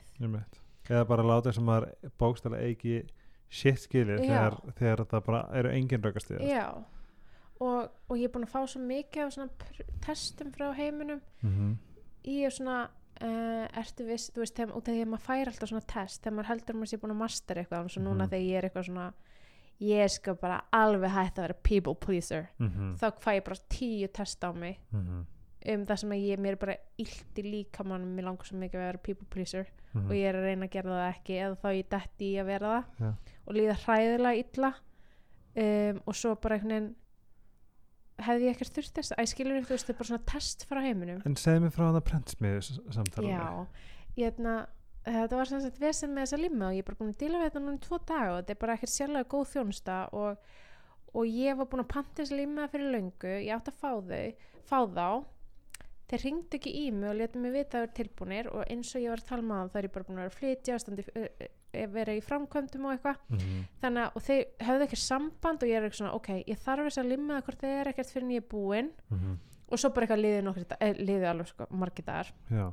Og svo var ég bara eitthvað svona ok, ég þarf þess að limma það núna. Mm og þeir eru ekkert búin að ringja á hvað það er skrítið en þá er ég svo til í veist, svona, það sem að kemur náttúrulega til mín -hmm. er að ég taki ábyrðina og segir Einmitt. Æ, sorry Já. að ég sé að tröfla voru þið tilbúinir og bara eitthvað svona æ, sorry, ég var ekki búin að ringja og já, tjekka á þessu eða er ég að pressa já, eða, já, og bara eitthvað svona veist, það var smá mér að kenna að því ég var að sem- um að gera þess að limna Mhm. og svo er ég bara ekkert búin að láta heyri mér. Einmitt. En málið er að ég var að því en Mhm. þeir áttu samt að láta mig vita að það var tilbúnir Einmitt. og þeir eru ekki búin að búin Nei. að því. svo núna er ég búin að hengja tvo dæru og þeir eru eitthvað svona, já, heyrðu, hann er ekki vinnir maður sem var að sjá um þetta, jú, þá nú er tilbúið ég sá þetta verkefni hérna eitthvað svona Mhm. og enginn ringir í mig og ég er bara eitthvað svona hæ, heyrðu, er þið eitthvað búin að finna út úr þessu limmu, og svo átti ég símtal uh, á leiðinni hingað og ég var bara í að tala í í og já, já, já. Og ég hérna og það er bara eitthvað svona að senda mig. Já, heyrðu, þú verður nú að tala við þennan. Svona, og hann eitthvað, já, heyrðu, ég er bara ekkert búin að ég er bara, heyrðu, fyrirgæði ég er líka með fólk sem er að býða eftir, þú veist og ég bara, ég var bara svona því ég er bara ekki ána með þess að þjónustu. Mhm. og ég var bara gett, þú veist, en ég þurfti að gera þetta ef ég ætla að fá þess að limmiða, Mhm. greinilega. En ég sagði, en ég náði samt að vera ákveðin mm -hmm. að því að Mhm. þú veist það var bara maður að tala um mig og Mhm. þú veist oft fæ ég svona að því að mér er svo mikið dad issues þú veist oft fæ ég eitthvað svona sko ég veit ekki, þetta er eitthvað svona hefur eitthvað svona bæð, þú veist ef það er eitthvað menn þá stundum, þá þarf ég oft svona að vera eitthvað Æ, þú veist mhm, og, minkaði eitthvað já og, og svo menn gerir þetta oft við mig þú veist, eins og allir yfirmenn mínir þeir eru ofta eitthvað svona verða eins og pappa mínir ah, geðvið skrítið sem að ég er ekki, ég held að ég sé ekki byggja um þetta en svo, Mhm. heyrðu, þú veist, ég er alltaf tilbúin til að taka ábyrða á þessu sjálf. Hvað með að þetta er bara eitthvað þeirra vandamál skilur en ég þarna allavega það náði ég bara, ég var svo ána með mig ég fór ekkert í eitthvað svona að því að ég var að vera með smá vesen Mhm. ég var að taka En smá plás þetta er bara það sem við segjum við já, ymmit Mhm. og ég var bara eitthvað svona, hei, þetta bara gengur ekki, Mhm. du, du, du, og ég var bara mjög hörð Mhm. og þessi maður sem ég var að tala við, hann var bara fann að hrist, þú veist, hann bara fann að skjálfa í hann röddin og hann bara, já, minnst það bara mjög leðilegt og þú veist, ég er bara ég er búin að vera að gera þessa límiða annar staðar, Mhm. þarf ég að ringa, þú veist, ég vill færa, þjó, færa mig yfir til ykkar. Mhm. en þarf ég að tala bara við þá og þeir redda þessu núna strax? Ég þarf að fá okkur svörina Já. og ég var bara ókslega ákveðin og það var, það sem kom mér smá óvart var að ég var ekki að reyna á mig þetta var ekkert erfitt fyrir mig. veist, þetta var bara það var ekkert mál fyrir mig að vera bara algjörlega ákveðin með þetta og Mhm. bara um, æskilur. Og það hefði alveg verið svolítið eitthvað sem að ég hefði gert en það hefði tekið svolítið á Mhm. og verið svona okkar ég var leðilega og Já. eitthvað, já. og mér veist ég bara, ég er búin að eiga svona nokkur svona alls konar samtölu núna með alls konar svona Mhm. um, þar sem að þar sem ég er bara búin að gera það rosalega vel Mhm. og, og því ég er bara mjög stolt af mér já, og, og það er ekki alltaf undir fólk það Já. þurfa alltaf að vera eitthvað undir eða yfir sko ég alltaf eitthvað hvort er ég undir núna eða yfir já, að vera bara, við erum bara jafningar hérna Mhm. og ég er ekki eitthvað aðri eða lægri og ég get bara sagt hvað mér finnst og liði vel með það, ég er ekkert í rúst og sko það sem ég veist ekki að því, þannig er ég líka veist, ég get gert það bara til sjoppu þá er ég bara, æ, sorry, vesin á mér að því ég er, að, að því, að er að vesla Einmitt. En þetta er bara svona, mér finnst að vera svo ógeðslega góð æfing. Að það vest að mig, ég þarf alltaf að vera í einhverju ástand til þess að gera þetta. Það Já, er bara svona að brjóta að mér, það er bara svona, herri, fyrir ekki og vera rosalega reyður já, og þá getur maður verið að, ekki samkvæmi sjálfur sér. Já og þá getur maður líka farið kannski að segja eitthvað Hérna, segja eitthvað svona sem maður gæti mjög kannski séð eftir. Mm. þá er maður svo rosalega reyður að ég þarf hérna, hérna solarplexusin þú veist, Mhm. ég þarf svolítið eitthvað svona þriðju orkustöðar eld svoða mm. til að svona bomba mér í það bara "Rá, rá, rá, ég á þetta skilið og þú að það þú veist, að meðan ég er bara búin að vera eitthvað já, ekkert mál, fanga til. Þetta er svona, mér finnst, að, mér finnst bara allir ég og þú inkluderet bara æfa sig. Já, bara, bara farðu út í sjoppu og verðu ákveðin kurteis og bara svona belong sjálf Eða það er bara svona, skiptir ekki máli hvað það ert já og bara, það er og æfði að vinum þínum já, þessa kunst já, og ég meina til dæmis bara að geta, til dæmis eins og þú og Dagný mm Mhm. sýstin þið er bara æfa ykkur ákvæmstu öðru þú veist, maður á bara, þú veist, eins og ég og Dagný mín, Mhm. sem er líka frænka þín Mhm. að við erum oft bara að æfa okkur á hver annari þú veist, og bara eitthvað svona og er hann rosalega duglegar að segja þú veist, eitthvað hei, já, þú veist ég hef oft upplegað þetta og stundum þá er ég bara að hugsa þetta og þetta því við erum svo miklu samstarfi Mhm. og, hérna, og ég veit að það er ekki rétt það sem ég er að hugsa en ég ætla að segja það upp á núna því að þá veistu það, þú Mhm. veist og þá er maður bara með öll samskipti bara á borðinu og ég er Mhm. bara búin að passa mig rosalega mikið að reyna það allavega í sambandinu sem ég er í núna Mhm. Og líka bara í sambandi við börni mín Mhm. að bara allir hafa pláss til að segja hvað þeim finnst Mhm. og enginn er að byrja eitthvað inni og Mhm. maður þarf ekki að býða þannig til að maður er gjössalega komið nóg til að tjá sig um það Einmitt. og maður segir bara strax og þú veist það er ekki þannig að maður segir eitthvað bara leðilur heldur bara að vera góður í að segja að það er eitthvað og líka góða punktið þar er að einmitt æfa sig að segja en líka æfa sig að taka móti. Já, það er líka kun sko. Að þarna er kannski þú veist ég, ég er svolítið bara mig þú veist, með egoið veist, er þetta ég? Á ég að taka svo illa? Hvað var hann að meina með þessu í staðin fyrir bara svona þú veist, ég, skal, Mhm. ég virði þetta en, og vera eh, góður í að skoða sjálfan sig bara hvernig er var ég að gera mitt besta þarna, hvernig get ég gert þetta betur? Dyrlega, og bara koma og segja eitthvað svona, ok, ég ger mig grein fyrir því að ég var svolítið svona og svona, einmitt. þú veist út af því að það er bara eins og við töluðum um í fyrsta þættinum, Mhm, að bara tak, þú veist, þú er svo eini sem að berð ábyrð á lífinni einmitt. þetta er bara, þú berð ábyrð á þessu öllu. Um, þú ert bara ekki fórnalamb lífsins Mhm. þótt að þú lendir í ömulegum aðstæðum Mhm, sem að gerir þig að fórnalambi í þeim aðstæðum einmitt, þá þarftu ekki að vera fórnalamb í lífinu einmitt. skilur við, maður getur alltaf ég meina, merkustu manneskur heimsins eru fórnalamb eða þú veist, en þau haga sér ekki eins og fórnalamb þú veist, það er bara það er, þú veist, eitthvað svona stórkostlega magna fólk sem búið að lenda í ræðilegum aðstæðum Mm. Og búin að snúa því við og bara gera eitthvað brjálað úr því. Og það er bara, þú veist allt magnaða fólk, þetta er líka bara svona í staðan dæmi fyrir um að gefast upp já, og einmitt líka bara, veist, ef eitthvað ömulegt gerist eins sárt að það er reyna að hafa þessa leiðaljós að það er alltaf eitthvað meining með því. Já, Við ætlum að taka eldsnögga pásu.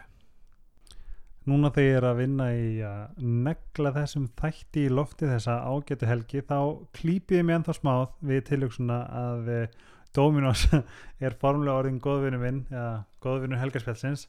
Ég segi, hvað get ég sagt? Þetta er Dominos. Bara tjekkið á dominos.is skoðið tilbúin. Það er alltaf eitthvað fyrir alla vegan pizzuna þeirra, ég pröfaði þær í, í síðustu viku og þær eru stórkostlegar fyrir alla sem að borða allt. Þau eru með allt til alls. Ef að þið hafið ekki pröfað löfléttabotnin sem að er vegan þá mæli ég klálega með honum. Hann er eiginlega, hann er eiginlega ógæslega góður. Þess að ef þið hafið ekki prófað hann þá pröfið hann. Ég lofa þið verða ekki fyrir vonbröðum Dominos, takk fyrir mig. Fucking love you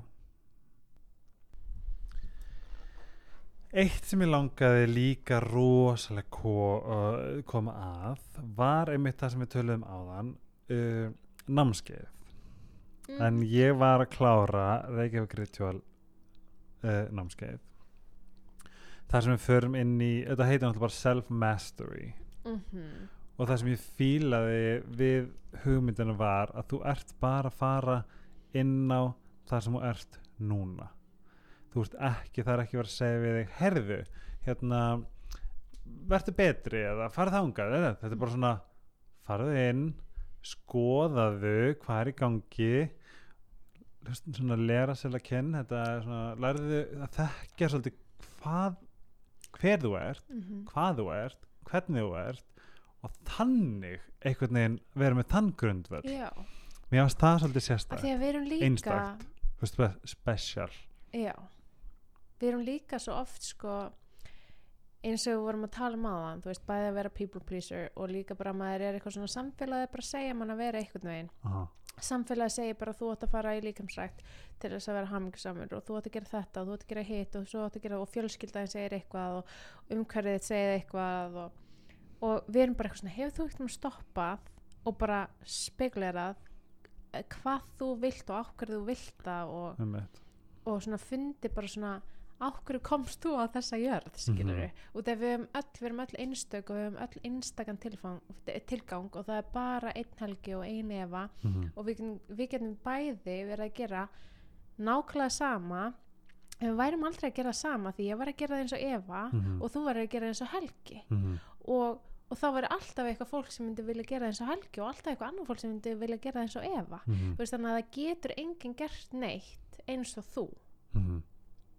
Og, hérna, og það er svolítið það sem að er fókusin hjá okkur bara svona að fólk, þú veist, við erum bara búin að eyða mörgum árum í að læra að kynnast okkur og þekkja okkur betur og lesa 150 bækur, fara á skriljón, trilljón námskeið Mhm. og 100 jókennanám og eða þú veist, eða skilur og Já. gera alls konar, ég og Dagný og, og við erum í rauninni bara svona öll uppáhaldsverkfærin okkar Mhm. Erum við bara að setja í þetta námskeið þú veist, Mhm. og þegar við bara þegar við erum eitthvað að tala um eitthvað og við föttum bara að það er alveg fullt af vinkonum okkar og eitthvað svona sem er bara ha, vissu það ekki? eða eitthvað. Eitthvað svona sem að okkur finnst svo mikið basic. Mhm. þá er eitthvað svona já, það er alveg fullt af fólki sem að bara veit þetta ekki sem að við höldum bara allir viti. Og og, hérna, og þess vegna ákveðum við að gera þetta námski og þess vegna ákveðum við mitt þú veist út af því að okkar uh, point svolítið með þú veist bara talandum fight or flight að bara kyrra aðeins hugan Mhm. að bara taka okkur tíma til þess að sinna okkur sjálfum í öllu þessu brjálæði þú veist að hugleiða e, eitthvað tíman yfir daginn helst á mótnana að, að þú veist gera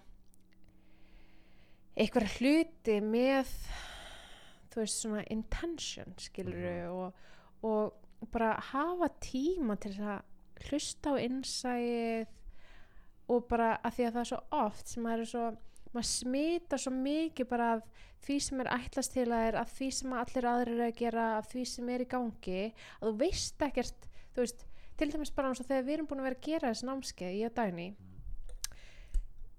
það er ekkert búið að hjálpa okkur eitthvað að vera bara á internetinu að googla og, og eitthvað svona þú veist, alltaf þegar við erum eitthvað svona ok, byttu, hvernig hefum við gera þetta.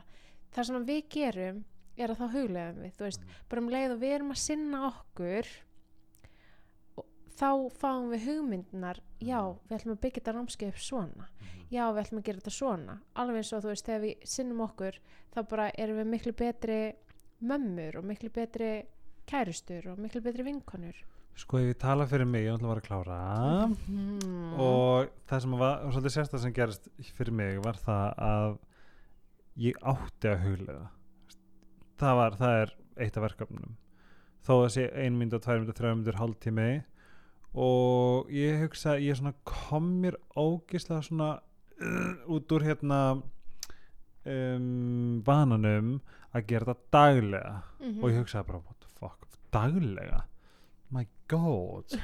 Þú veist, alveg hérna. Og fyrsti daginn var ógst auðvöldur annar gegga auðvöldur, þriðji já fjörði, þá var ég bara svona þriði fjörði það eru alltaf verfiðastir ég var bara svona, ég, nei, ég ætla ekki að gera það þú veist, ég ætla ekki að gera það fjóra dagur en ég gerði það, að ég átti að gera það svo á fimmtudegi þá var ég í eitthvað svona og bara svona, að já að ég kannski bara sest niður og ég gerði það. Já, og fyrsta vikan var mjög krúsjál mér fannst mjög erfitt í lokin en ég gerði það eftir að ég búið með fyrstu vikuna þá er eins og ég, mér einum í lagið þá var ég bara svona ok, nú er ég búinn. Ég gerði eitthvað successfully og mér tókst eitthvað og hérna um,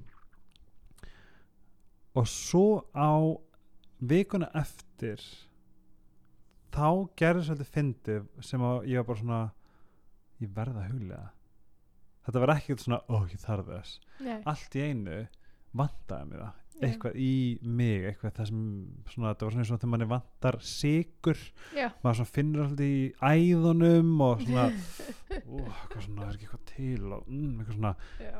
þannig leið mig ákvært hugleyslu Mm sem var svolítið sérstætt því ég er, hef ekki verið þar. Ég hef gert það svona tvisra viku. Já, á henni byrjaði. Og núna er þetta bara svona þetta er eins og að bara þessi tími sem ég tek hann er geggjaður og það er það sem að mér fannst það er svo góður magna staður að vera á. Henni, nákvæmlega. hann er nú, það, þú veist, hann mun ekki alltaf vera þannig, eða þú veist jújú, jú, það er markmiðið en stundum er svo kemur eitthvað, þú veist, að því að bara að tala fyrir sjálfur mig að ég er með eitthvað svona grunn alveg bara mjög djúp, djúft inn í mér er með eitthvað svona sjálfsæðinga eitthvað. Mm og stundum, þú veist, og það er held ég svolítið mannlegt og, og hérna að þú veist, þegar maður er eitthvað að gera eitthvað ræðilega erfitt og maður er kannski bara búin að vera á góðu, góðu gigi og, og þá eitthvað bara svona er svo auðvelt að bara mm -mm, ég ætla bara ekki að borða ég ætla ekki að hugleiða -hmm. ég ætla bara að gera allt sem að ég veit að ég á ekki að gera. Já ég fer ég, ég ætla að borða nammi, ég ætla að borða óhald. Já, það er því ég þetta úr flói já. Og, og þú veist en það er svo gott að vera þarna sem að maður nær og það gerist með að kyrra svolítið hugan og kyrra svolítið bara lífið að, að maður næri þessu að, að hvað hugleysla er góð og maður finnur um, hvað er góð áhrif á mann maður finnur að maður er í allt öðrum takti maður er miklu tengdar sjálfum sér maður líður miklu betur, maður er að taka betri ákvarðanir maður er betri yfir síðan maður er bara þú veist, er bara betri típa Mhm. um, og að maður fer í hugleyslu og það er auðvelt Mhm.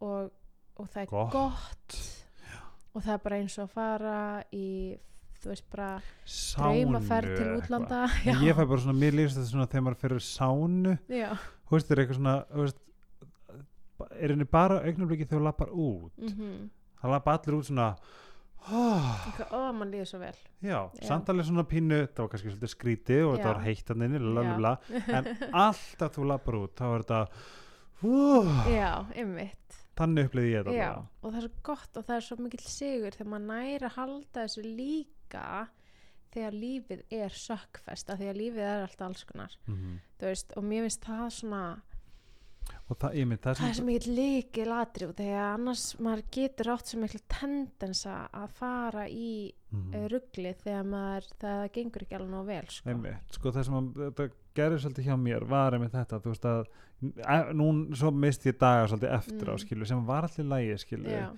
en mér, la- m- þú veist, mér fannst það svo mikið æði. Þú veist þannig í, í skilu áframhaldi, áframhaldi skilu já, ég var svo svona, er æði. Ú, ok, æ, herri, herri da, dagurinn í dag ekki ekki fyrir Já. hérna, eða, oh fucking shit fu- ú, sorry, en þú veist fjandinn og niður. Já, og ég meina þú veist ég, núna þegar ég var í þessu hérna námski þá var ég gangi gegnum mjög andlega erfitt bara eitthvað. Og það var bara svona mér fannst þær hulist að voru óþægilegar af því að þær voru meira ái. Já. Hvað mér líður illa á ái hvað eitthvað ó. já, að að þá þarf maður að sitja með já, tilfinningunum en það sínum. gaf mér eitthvað komfort. Já, og þegar það þá líka bara feysa maður þær. Þá er eitthvað svona bara, já, mér líður illa di, di, di, mm allt þetta. En ég ætla samt bara að sitja og leifa mér að finna og þá Mhm. líður þetta bara hjá í staðan fyrir að vera eilum flóta frá sjálfum sér. Tölum um eitt. Við erum með þetta tíma hmm. hérna það gerist aldrei, við erum alltaf bara búin að tala um allt. Reyndar. Og það finna við, við vorum að tala í rúmlega klukktíma áður en að við byrjum en fyrir fólk sem að hefur aldrei hugleitt, veit ég hvað á að gera þegar huglegir mér finnst ég, er, mér finnst ég vera algjör amatúr skilur, þú ert búin að gera miklu lengur en ég. En hvað myndir þú segja við veist, ég veit hvað ég myndi segja. Manneskja sem hugsar ég ætla að huglega fyrst skipt í dag. Og svo situr hún og bara what the fuck, hvað að gera mm þú veist, hvað myndir til dæmis þú segja við svo típu, sá, manneski ég myndi segja að þú getur aldrei gert það vittlust þú ert aldrei að gera það vittlust mm. og, og ég sest oft líka og er bara what the fuck, hvað er ég að gera? Eða Mhm. þú veist, að þeim er eitthvað svona hvað pointi með að setjast og gera ekki raskat? Mm -hmm. þegar það er eitthvað allt í messi í kringum Mhm. mig eða brjála eða eitthvað. Mm en það er pointið Mhm. þú veist, og þú getur aldrei að gera þetta vittlust -hmm. bara það að þú seti, þú veist það er hugleisla að að setjast niður, kyrra hugan tengjast bara innan við þú veist, og bara setja í nokkra mínútur helst lengur en tíu mínútur en bara gerðu þitt besta skiluru Mhm. að, hérna, að það er sigurinn og gera það aftur og aftur og aftur og aftur og aftur og aftur og hverjum degi og Mhm. consistency er key Mhm. og þið líður alltaf þú veist, mér líður ennþá, ég vissum að þú veist, einhverjum munkum upp á fjalli í hellunum sínum sem að huglega á hverjum degi og eigða lífinu sínu huglega Mhm. þeir sitja ofta og hugsa bara hvað er ég að gera? Mhm. Ég get ekki einbett mér þú veist, allt þetta, ég næst ekki það er hugleðsla, það er bara partur af þessu Einmitt. og þú veist, og þú er bara hausinn er alltaf Hu- hausinn er alltaf eitthvað svona ákveða þessu, þeir eru að gera þetta svona hljóðlega. og þess vegna situr á huglega til þess að hætta að leifa heilanum að ráða út af því að heilin er bara eitthvað Helgi, þú ert á lífi núna Mhm. Það er ekkert að, þú ert ekki engri lífsættu þú hefur það fínt, okkur að breyta? Mhm. þess vegna vill heilin ekki breyta neinu af því að þú, það, þú ert ekki stórfengleiri hættu þú ert bara lífi. Þess, og, og heilin vill bara hafa allt eins og það er. Út af því að það er alla breytingar hann er ekkert eitthvað að hugsa hvort séu slæmbreytingar eða góða breytingar, Mhm. það er bara eitthvað svona núna er allt fínt, Mhm. ekki breytast. Og og það er trikkið veist, Mhm. og, og bara að tengjast við erum svo í vestrænu samfélagi við erum svo ógislega fókusir á heilan og bara Mhm. hugsa allt og vera intellectual veist, Mhm. og allt þetta en innsæð, það er bara við töluðum líka um, þegar, um það þegar ég var inn að síðast Mhm. og við erum einmitt núna í framhaldsnámskeinu af námskeinu sem að þú ert í vast að klára Mhm. að þá er fyrsta vikan bara um innsæð og bara það hvað er mikilvægt að tengjast innsæðinu og bara hlusta á innsæð og það er líka minn Mhm. Veit alltaf hvað er rétt og hvað er rámt og hvað þú þarft. Nema við bara hlustum ekki á líkamann að því við erum svo upptekin að vera upp í hausnum.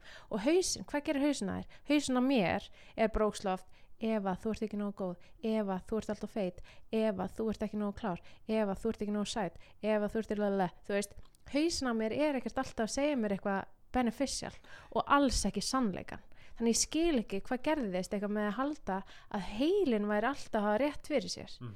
út af því að líkaminn veit best líkaminn, þú veist líkaminn hefur minni líkaminn bregst við þú veist, við, þú ert bara með eins og við tölum um að vera með tíu líkama á námskeinu, þannig að þú veist að þú ert með tíu líkama Mhm.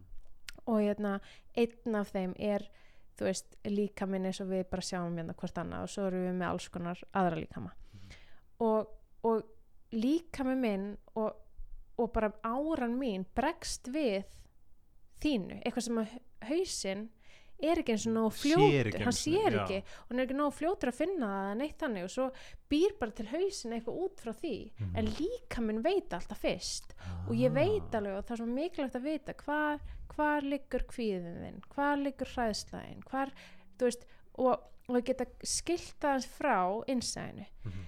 Og, og maður veit alltaf þegar maður hugsa tilbaka og innsæðið er að öskra á þig þá veist alveg hvar innsæðið er Mhm. innsæðið mitt er eitthvað svona djúft inni í mér á meðan, meðan hræðslega svona eitthvað í maðunum og kvíði eitthvað hérna ofan á bringunni Mhm.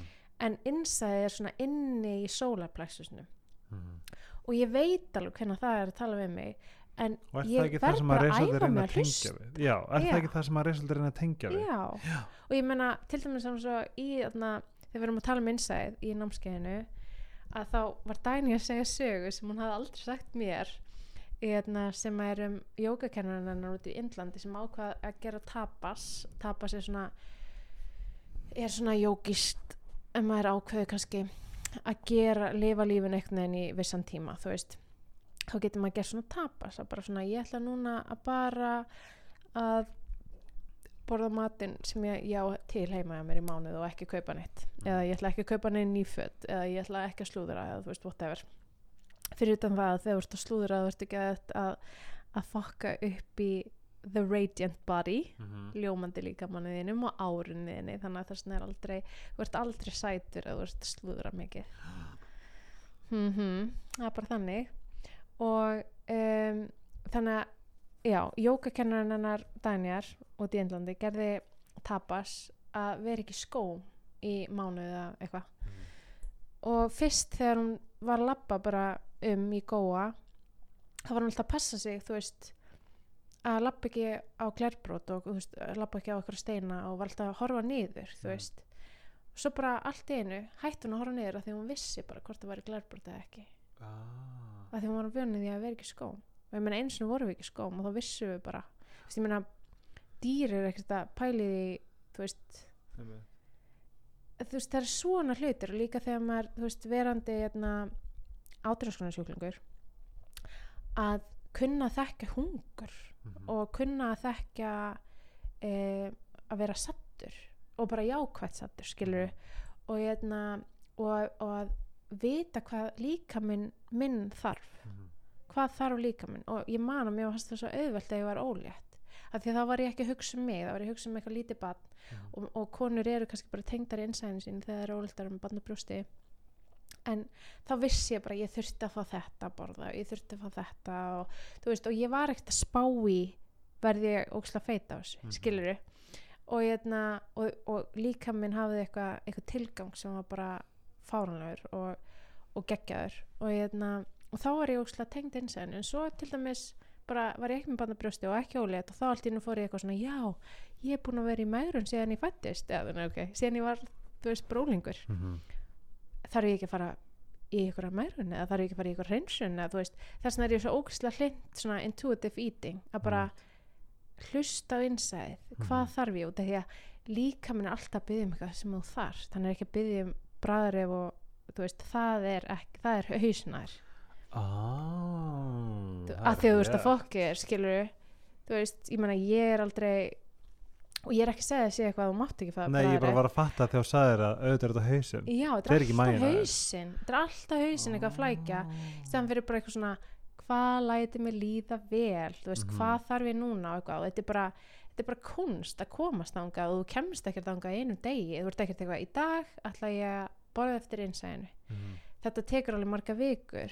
En svo veistu það bara þú veist bara hvort að eitthvað fer vel í það eða ekki. Eru, alveg, þú veist alveg bara burt sér frá hvað allir segja við þig, Mhm. þú veist, bara glútinni frá helviti og þetta, þú veist, eitthvað svona. Bara hvað þarf þú, hvað lætur Mhm. þið líða vel, þú veist, hvað vill líka minn, eru við ekki saman um það í þessu huglegslu speysi þá er þá er svolítið þetta tengingin sem við erum að fara hægt og rólega að finna setna meir. Jú. Algjörlega og þetta kemur allt með huglega hvernig degi, ég er bara sko, svar mitt við öllum vandamáli lífinu er bara huglega, Huglega. já bara huglega og þú veist, þetta hljómar svo ömulega tekki og eitthvað svona, ó Eva, hún er bara jókakennari Mm. þú veist, mér langar bara alltaf að ringja, þú veist, þá svo ef að vin, þú veist, vinkon mín hún er að upplifa hræðilega hluti í ögnum blikinu og þú veist, mér langar bara að ringja hann og segja eitthvað, heyrðu, viltu ekki huglega mm. en ég veit bara, hún væri bara eitthvað, æ, jókakennari já, já, já, já. en í alvörunni það er bara og ég tók rosalega með þetta ákvörðin þegar ég var að standa í hérna, skilnaði og mér leið umleitla þetta var rosalega átakanlegt og eitthvað þú veist, ég hef, ég fekk valið og ég man svo skýrt eftir þegar ég fekk þetta val, Mhm. þegar alheimurinn gaf mér valið, viltu fara á djammið Ah. og detti í það og, og vera í skilnaðar djamminu, skilur sem er brókslega basic og það er ekkert að því nei og, og mjög algengt að það gerist já.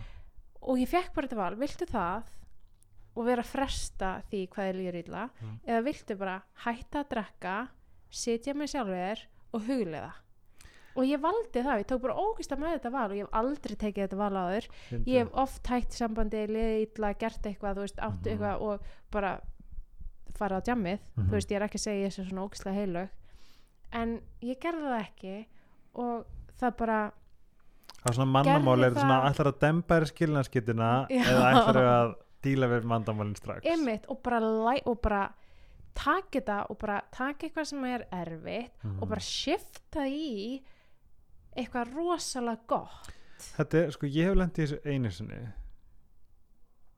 Þá var ég með Björt sem, hérna, life coach. Mm og hún var bara með verkefni handa mér já, þú veist, ég, hafði, ég var að segja þessu í þessum sambastöldum, ég hafði þessum ekkert val. Þannig sé að skilja já, og ég vann bara, ég bara vann vinnuna varandi breykabið og þegar ég var komin út úr því þá var ég 100% komin út úr því. Það var engin leftover ég var ekki að díla við eftirkast eða þetta, þetta eða eitt eða annað. Og ég bara, þetta var bara búið. Emitt bara bókstarlega, þetta var bókstarlega ég bara vann úr verkefnu og svo var það búið. Já, punktur. Mm á meðan svo þú veist fyrsta ástu mín það var einmitt öfugt, það var bara þá gæti ég að hérna blablabla. og ég þú veist það var bara algjörst mess. Þó ég hef verið pín, mjög ungur. Já, en mér finnst bara svo magna að þú varst það tengd að þú actually gast sett prikk, hvað sem er. Mm þú gæst actually pota ákvörðuna herri, ég ætla að velja þetta, þetta er bara svo platti bara, þú færið það var appli app svona, mm þú, þú valdir eplið. Já. Það kom bara svona moment. Hvar varstu Og- þegar þetta moment kom? Sko það ég átti tvö moment. Ok, um, það kom svona eitt sem að var mjög svona ekki afgerandi þú Mhm. veist sem ég bara svona tók mjög svona hæga beigju yfir í þú veist mm. þessa átt Mm svo kom bara það sem ég var bara á ég ætla ekki að nafngreina staðinn -hmm. bara um, kaffibarnum nei, nei, þetta var bara í hádeginu uh, á, á föstudags hádegi Já. á bara hérna, stað. Stað niður í bæ með fólki mm -hmm. um, að ræða hluti. Og þá sá ég þetta bara svo skýrt. Ah. og þetta er bara svona þetta er bara svona situr í mér. Mm -hmm. ég fann það á þér þess vegna varði að vita hvað þetta var. Já, ef að ég segi þetta alltaf þegar við hittum við þurfum að taka ránd 2 ránd 150 við tekum ránd 4 bara sem fyrst núna get ég actually komið heim og tekið upp helgarspjallið. COVID er ekki að stoppa mig lengur.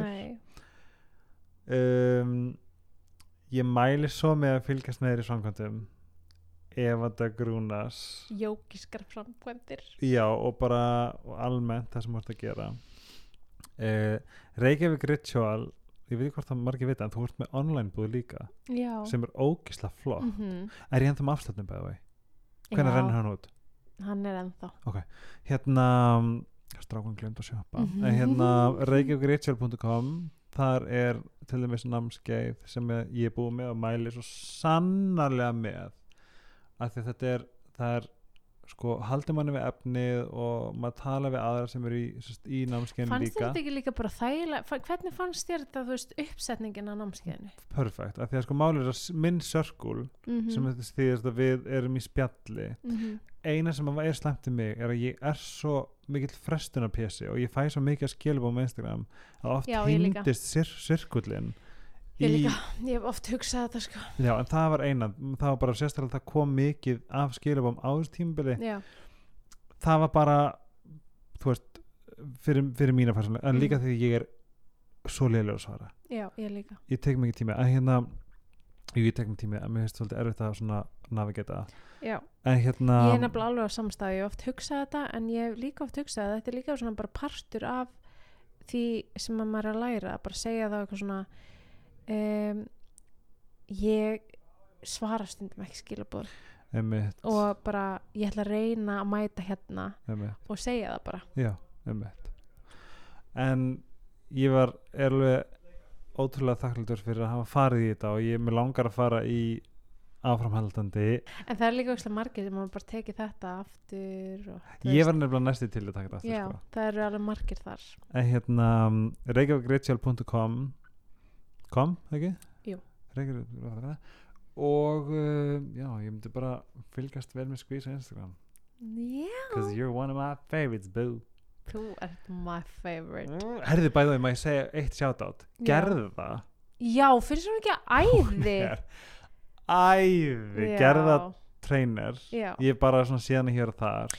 Hún er með geggjaða tíma sem það InShape já, ég held Em. þetta væri bara svona just another skvísa Já. sem var þjálfari hún er she's got soul man Mhm. she got soul Mhm. hún er líka bara ógislega góð ógislega klár hún þarf að koma í podcastið hún þarf að koma í podcast hún og Hrefna Já, Það ok. er bara, þær þurfa að koma til þín í podcast og báðar þessar dömur sérfræðingar á sínu sviði já, og InShape tímanir annar gerðu hvað eru þeir? Þeir eru, hún er búin að vera með Mjölni? þau í vörklass Á, nei hún var eins og í mjölni Já. en hún er með það og þú veist hún sér alveg sjálfstætt um þetta en Mhm. þeir eru samt í vörklass Já. þannig að þú þarf þegar kort í vörklass um, og skráði hjá henni og hún er að fara að byrja eftir í haust og ég var hjá henni í síðasta vor Mhm. og við erum líka, ég er alltaf eitthvað svona prívat líka bara eitthvað að hlaupa með henni og eitthvað Mhm. um, en þeir eru svo skemmtilegir veistu og ég er með smá sko judging Amy að því að þú veist einu tím, ég mæti ekki mikið tím, ég þjálfa bara, ég er bara heima hjá mér já, svo mæti ég eitthvað að kenni Já. sjálf og svo er ég svona mjög pikki á kennara já, vill helst bara vera heima hjá mér sjálf Já. að gera eða vera með kennarana mína sem búa allir út í útlöndum mhm. og gera það bara á internetinu en ég, na, og ég veit að þetta hljómar ömulega en ég er svona, ég er líka bara svo mikil introvert, mér er bara gett næst að vera ein með sjálfum mér veit. og ég, en ég fer út í verklass Já. til hennar að því að það er svo gaman og það er líka ógæslega skemmtilegt tónlist og það er bara ógæslega skemmtilegt með henni að ég segja InShape tíma. hvaða svona, þú veist svona, svona instant vibe, instant impression svipað var eins og hvernig ég dyrka soligrænu Já, ég ætla að það? þekki, ég soligrænu Nei. en ég dyrka hana. Já, mér fannst gerði að vera með svipað já, um, þetta er bara stardom vibe. Þess að ég lagt, ég lagt til hittana já, hún er æði uh, takk fyrir kakó þú komst með heima tilbúið ceremonial kakó þegar þú komst. Ó, já, ég sko bara sótti, ég var nýbúin að tala um Kamilu, kakó, hérna, Drallega, kakódrottningu og minn kakó, hérna, hvað heitir það? gúru Kakoguru. Og ég bara fór og ég var ekki búin að sækja því ég var búin með kakóið mitt og ég fór sérstaklega bara og redda þessu Að það, korter í gig að því ég vildi koma með kakó til því. þetta var indislegt þú vortum pipamindi Já, ég sko pipamyndu, makka, möndlusmjör, makka er sexually stimulating er það ekki? já, mm, og rosa gott fyrir frjósemi líka. Þetta er svona gott fyrir frjósemi og bara svona það libido. Já, já, en, en bara svona side note. já, já, fyrir alla Og það er alla- líka rosalega gott fyrir húðina. Að það, já, að þetta er svona hormónajefnandi. Ok. Þannig að ef maður vill fá falleg húð, þá er er maður líka settur bara þetta á svona pulver eða var Já. þetta, ok, ekki bara svona makkaduft, um, kanill, um, muskat. Það er líka muskat í sleipefninu mínu, talandi um eitthvað Mhm. sexy stuff. er sleipefnið og allar minna bót á Reykjavík Ritual? Já, ok, ekki það og hérna, og við tölum mjög mikið um sleipefni sérstaklega í síðasta við. Og þú ert ekki ennþá búin að prófa. Hef, við hefðum þurft að vera búin að láta þig prófa og Mhm. ræða það eins hér. Við gerum það næst að við rættum mjög mikið bæði kynlíf og sleipefni og allt þetta svona á mjög þægilegan hátt. En þann þátt má mamma og pappi ekki hlusta á. Nei, það, það er prívat þáttur. Mhm. en, hérna, en já er, þannig að ég myndi segja þetta kakó sem þú varst að fá, það er svona uppfrískandi Mhm. sexy beauty kakó. Ó, þetta var geðveikt og takk fyrir að koma með það. Ég, og ég verð svo fókust þegar ég drekk kakó. Ég veit það, er ég svo líka. Það ég er er ekki búin að starra það síðan. Mm og uh, ég vil þakka Scott Productions kærlega fyrir að hýsa mig og gefa mér þetta stúdíu að uh, notkun. Þau eru geggjöð best. Og ef við fíli helgarspjallið þrykja á subscribe. Og þið finnum mig á Helgi Ómarsson á Instagram. Trendnet.is trendnet, sagði það náskýrt og eldsnögt Arnabói Bói gerði stefið uh, sem er að koma núna og Andra Jónsson 20 línum.is gerði fína logo á mitt. Það er bara að henda ég út. Annars segi ég bara ást í lífið og uh, já, er ég glöð. Takk fyrir mig og takk fyrir að komast mín. Takk fyrir mig. Sjáumst í round 4 ó, ég get ekki veðið bye. Bye.